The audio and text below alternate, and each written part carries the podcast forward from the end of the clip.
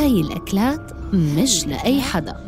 الفشة رأس القلب الكبد الحلويات اللي هي العنقود. اللي هي البيضة هاي التحتانية. عرفت علي؟ مع رئتين آه والزور. هاي الأكلات بدها حدا قلبه قوي.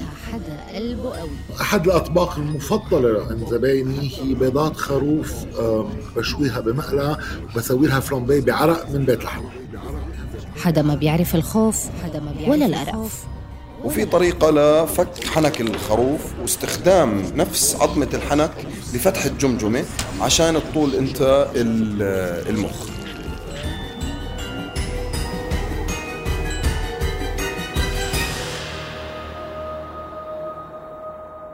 زمان الموضوع كان له وزنه وقيمته كان ذبح العجل أو الخروف أو حتى الدجاجة بالبيت أو بالحارة حدث كبير بيوصف السياق الزمني. كان ممكن نسمع حدا من الناس بيقول يا زلمة آخر مرة شفتك كان يوم ما أبو محمد ذبح الخروف على باب الحارة. ويكون قصده إنه شافه من أسبوعين مثلاً.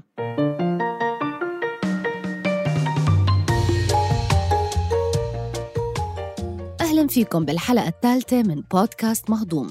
من إنتاج صوت. بكل حلقة رح نختار أكلات أو مكونات من مجتمعاتنا. رح نحكي عنها وعن تاريخها وعن علاقتنا فيها. رح نخلي الطبق اللي قدامنا قبل ما يشفي جوعنا يصير مراية بتعرفنا أكثر نحن مين. هالحلقة من مهضوم بعنوان ما في شي للكب.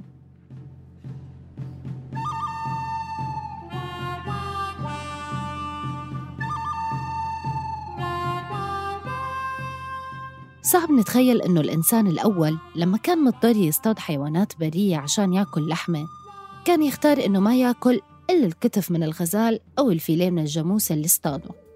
مشان هيك مش رح نقدر نقرر وين وإمتى بدأ الناس سواء بمنطقتنا أو بأي مكان بالعالم بأكل الأعضاء الداخلية للحيوانات لأنه الإنسان على مدى التاريخ كان لازم يستغل كل شيء من الحيوانات اللي كان يتعامل معاها هلا بالعموم اللي بنكب من الخروف يعني أقل من 5% بشكل عام.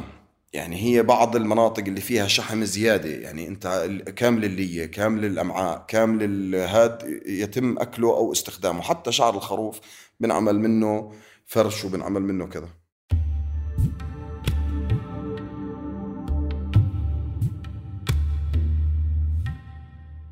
يمكن أقدم ذكر لمثل هي المأكولات هي في التلمود. بحسب تأويلات بعض الباحثين في قصة عن النبي إبراهيم قدم فيها لضيوفه الملائكة الثلاثة أكلة لسانات بالخردل. لكن من أقدم ما وجد في وصف مثل هي المأكولات نقوش بابلية عمرها حوالي 3800 سنة. فيها وصفة لطبخ راس الخروف وديله وأعضاء تانية مع البصل والخضار والبهارات. بالإضافة لوصفات تانية للطحال والكرش. هي الأكلات من الظاهر في النقوش على الأغلب كانت تتقدم للوجهاء أو في مناسبات خاصة.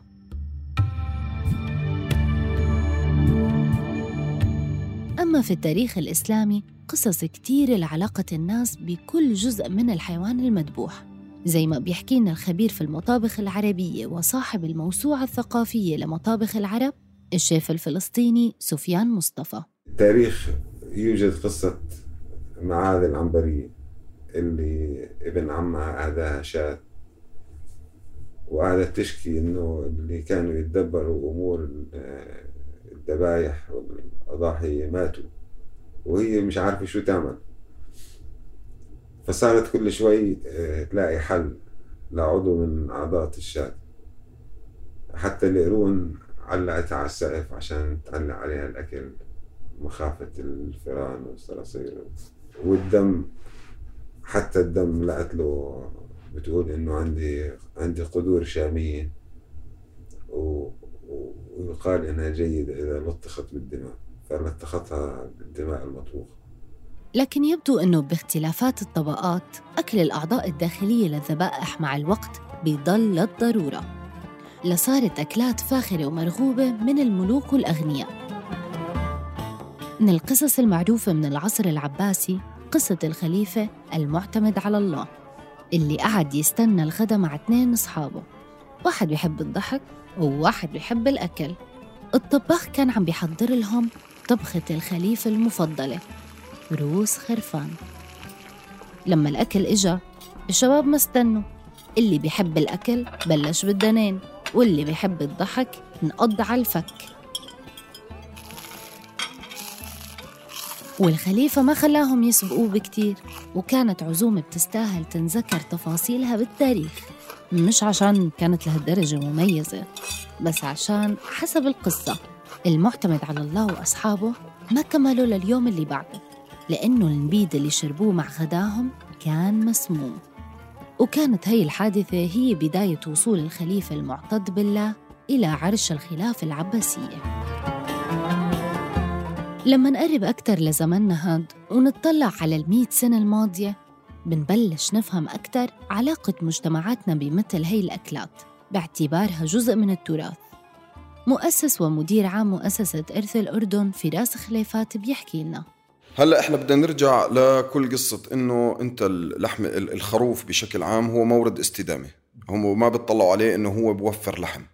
فبالتالي لما يجيك ضيف وبتذبح انت للضيف وهذا كان أو بالمناسبات زواج لا سمح الله أطراح كذا هون كان يصير. هلأ بشكل عام المجتمع الأردني آه، والمجتمعات في المشرق آه، مجتمعات بتستغل كل جزء من كل إشي ومن ضمنها اللحمة هلأ فبطبيعة الحال أول إشي أنت عندك إنه هاي مناسبة أنت مش كل يوم بتذبح عكس هلا اليوم صار الأكل اللحمة متوفر وسعره منطقي.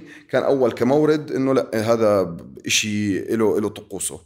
فبتبلش من لما أنت تذبح وتسلخ وتبلش تطلع بالأمعاء. انسى المصارين والكرشات. الكبد الكبدة مثلا وطريقة تقليتها أو إنها تتاكل نية مع كمون مع ليمون مع حتى في ناس بحطوا عليها دبس بشوحوها على النار. في ناس بعملوها صاجية. وهاي آه، اللي دائما بيحكوا لك المعذب رباح واحدة من اللفتات تبعت ليلة معذب رباح إنه أنت من لما يبلش الذبح على على الفجر قبل لا يجي القراءة أو قبل لا يجي وجبة الغداء اللي أنت مستقبل فيها ضيوف. فراس بيحكي لنا عن تفاصيل التعامل مع الذبيحة كيف تتوزع وجبات المعذب اللي هو صاحب البيت أو اللي بيعمل العزومة ومين بيطلع له ياكل أي جزء منها. ببلشوا المعازيب آه، ياكلوا بالمعلق فعندك القلب الكلاوي الكبد كل هاي الأمور. هسا تدخل بعدين بالرأس. الرأس له آه، تقديره عند الأردنيين بشكل عام. فهو بنحط في وسط صدر المنسف وكل شيء موجود داخل الرأس له له أهميته. فأنت الضيف الكبير أو صاحب اللسان الشعري الأكثر انطلاقا هذا بنحط له اللسان فالمعذب بقص اللسان بيقطعه هيك بإيده وبحط له إياه قدامه على المأكل تبع هذا الشخص. إما أهم ضيف أو أهم شاعر. آه العيون تترك احتراما لجثة الخروف أوكي؟ وتؤكل ما بعد ما, ما أنت في أفواج الطور الأول الطور الثاني. فعلى الطور الثاني ممكن إنه ينقلع الرأس بعد ما إنه عيب قدام الناس. هاي التقاليد تثبتت وتطورت لأسباب متعلقة بالبيئة المحيطة. والطبقات الاقتصادية المتفاوتة في مختلف المجتمعات. صاحب ملحمة وهبة الشهيرة في جبل الويبدة في عمان أبو خالد عاصر تطور هي الأكلات في فلسطين والأردن ومن خلال زياراته للبلاد المجاورة. أول شي أبو خالد خبرنا شو الاسم الشائع لهي الأكلات؟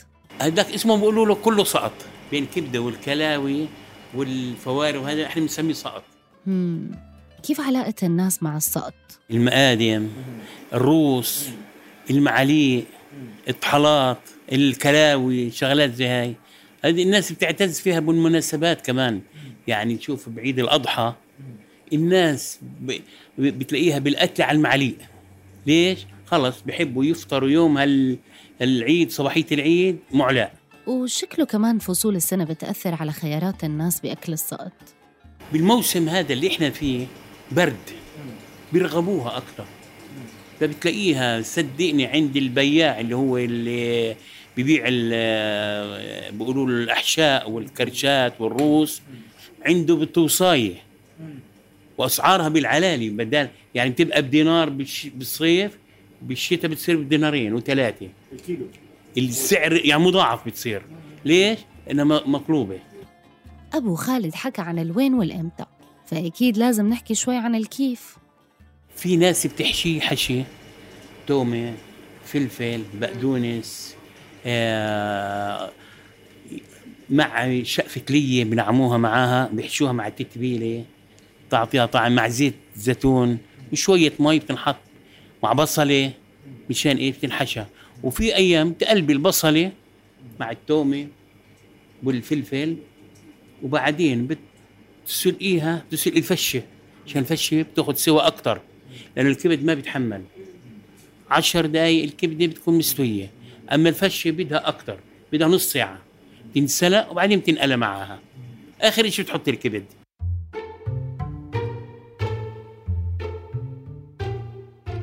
الأطباق اللي منعرفها للسقط في المنطقة العربية متنوعة كتير. كلها بتجتمع بإنها من نوعية الأكلات اللي الناس يا بتحبها كتير يا بتكرهها كتير حسب العادة والترباية. الهرجمة في تونس هي عبارة عن طبخة أقدام خروف أو عجل مع مرقة البندورة والهريسة الحارة والبقول زي اللوبيا. والباتشا أكلة عراقية شهيرة عبارة عن روز خرفان مطبوخة مع توابل. وعدة مناطق في بلاد الشام مشهورة بسلطة لسان العجل المطبوخ. بينما الكبدة ففنون تحضيرها لا تحصى. من السودة النية والمقلية مع دبس الرمان في لبنان. للمحمرة بلية الخروف مع البصل والثوم في الأردن وفلسطين. للكبدة في مصر اللي عربيات سندويشاتها صارت من أهم معالم المدن المصرية. الكبدة ديت اللي هي أم فلفل ديت آه. كبدة الإسكندراني. من هي بتقال عليها 1000 كبدة. من 1800 أنتوا اللي بدعتوها؟ إحنا اللي بدعناها. أنتوا أول ناس عملتوا إحنا اللي عملنا أنتوا, اللي... أنتوا. عملتوا الاختراع. إحنا اللي عملنا الاختراع. لأني من 1800 كانوا كام شاب من ضمنهم جدي لأن كل بتوع الكبدة اللي أصلا بتوع الكبدة كلهم قرايبي. مفيش حد يا أبو غريب غريب آه طبعا. آه، أم غريب تبقى بنت عم أبويا. أم غريب تبقى بنت عم أبوك آه طبعا. كلنا بتوع كبدة مفيش حد غريب. من العادات المنتشرة في أرياف مصر تصغيط البط يعني إطعام البط حبوب وعلف بالقوة. طب بتزغطوا إزاي؟ إذا عرف بتزغطوا إزاي؟ ننتخب رئيس جمهورية. إيه اللي هيحصل يعني؟ هالعادة متبعة في مصر عشان البط يزيد وزنه وبفرنسا بيزغطوا البط عشان الكبدة تزيد دهونها. وبعد الذبح بيهرسوا الكبدة وبيعملوا منها أكلة فاخرة اللي هي فواكغا طيب الأكلات اللي عم نحكي عنها من بداية الحلقة شو فايدتها الغذائية؟ الكبدة بتخلي الدم حديد بس الكلاوي شغلها على المناعة. يعني بتمنع كل الخربطة والأمراض. هلأ المخ والنخاعات بتزبط لك الأعصاب يعني بتخليك رايق ومركز معي هون. أما السنات مليانة بروتين هو من الآخر السقط كلها بروتين بس برضو فيها دهون وكوليسترول. يعني كل منها بالعقل بتصير بطل الأبطال. خبصوا كل منها كل يوم الله يكون في العون. أعذروني لهجتي الأردنية على قدي. على فكرة يا مستر اللسان هنا بيعملوه مشوي. في معظم الأماكن التانية بيبقى مطبوخ. عشان كده حضرتك تلاقيه طعمه هنا مختلف عن أي مصمت تاني. هو فين اللسان ده؟ أيوه هو ده حضرتك يا مستر. كل لوحده كده بحبه أوي. السقط أو اللي بيسموه بمصر أكل المصمت بيعمل ردة فعل قوية عند الناس سلباً أو إيجاباً. النظرة السلبية قد تكون مرتبطة بالحياة المدنية اللي خلت الناس تبعد عن عادات الذبح فصارت تستغرب هاي الأكلات. لكن ردة الفعل الإيجابية بيكون فيها لهفة لهي الأطباق. وقدرنا نلمسه بوضوح لما سألنا الشيف الفلسطيني فادي قطان عنها. انت هلا جيت على موضوع مفضل إلي.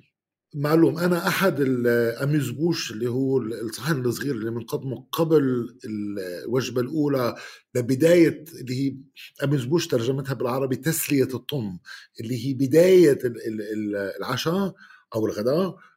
أحد الأطباق المفضلة عند زبايني هي بيضات خروف بشويها بمقلى وبسوي لها فلامبي بعرق من بيت لحم.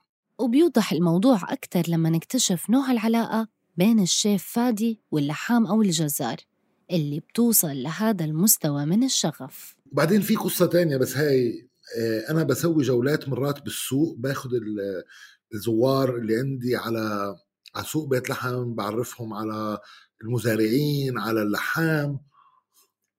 وعند اللحام دائما في مرحلة هاي اللي هي مشان أورجي للعالم لأي درجة أنا عندي ثقة باللحام تبعي بناخذ كبدة نية بشرحها رفيع رفيع عند اللحام شوية زيت زيتون شوية ملح خشن من البحر الميت رشة ليمون وأنا بطعميها بإيدي لكل شخص معي. آه كثير من الناس أول أول ردة فعل تعرف الكبدة لما تشرحها أول ما تشرحها بنزل منها دم كثير إنه واو لا لا لا ما بدي أجرب. بعدين بيشكروني إنه جربوا واللي بيحب شي لهالدرجة بيعرف وين يلاقيه. هي في عنا ببيت لحم آه، كشك صغير موجود آه، بمخيم دهيشة أو على الشارع العام قدام مخيم دهيشة اسمه عبد أبو نجمة بس هو معروف بالبلد عبد فشة. مشان عبد بيسوي سندويشات فشة. أزكى سندويشات فشة بالعالم. so الأعض- الأعضاء الداخلية هاي إشي كتير موجود بالمطبخ الفلسطيني. آه الطحالات بال- بالثوم وال- والبقدونس هي إشي يعني في واحد برام الله اسمه أبو اسكندر آه الناس بتروح عليه بس مشان ال- ال- الطحالات تبعين اللي بيسويها آم، يعني هذا إشي موجود بثقافتنا كتير كتير إحنا بنستخدمه. من الملفت كيف الثقافات والأوضاع الاجتماعية والاقتصادية والأفكار الموروثة والأفكار المستوردة والجغرافيا والتاريخ بيأثروا بنظرة الناس في المجتمعات المختلفة. يا لطيف. يا لطيف لسه يا لطيف. يا لطيف لك رح تبهدلنا أنت مع اللحام. ومو أي لحام لحام عجول كمان. يا لطيف الأكل الوحدة شو بتتغير وبتختلف مسمياتها وبتتنوع الآراء حولها بالمجتمع الواحد. مرات بتكون أكل الملوك ومرات بتصير أكلات شعبية. وعند البعض بتثير الاشتياق وعند غيرهم ممكن تسبب الإغماء. مهما اختلفت الأذواق كل أكلة بتلاقي اللي بيحبها وما في شي للكب. لتوصلكم تنبيهات بالحلقات الجديدة تأكدوا أنكم تضغطوا على زر الاشتراك أو تعملوا subscribe بقناة مهضوم على تطبيقات البودكاست مثل Castbox، Deezer و Apple Podcasts هي الحلقة كانت بحث جيدة حمام كتابة يعقوب أبو غوش تحرير رنا داوود ومونتاج تيسير قباني. كنت معكم بالتقديم ابتهال بختي. مهضوم من إنتاج صوت.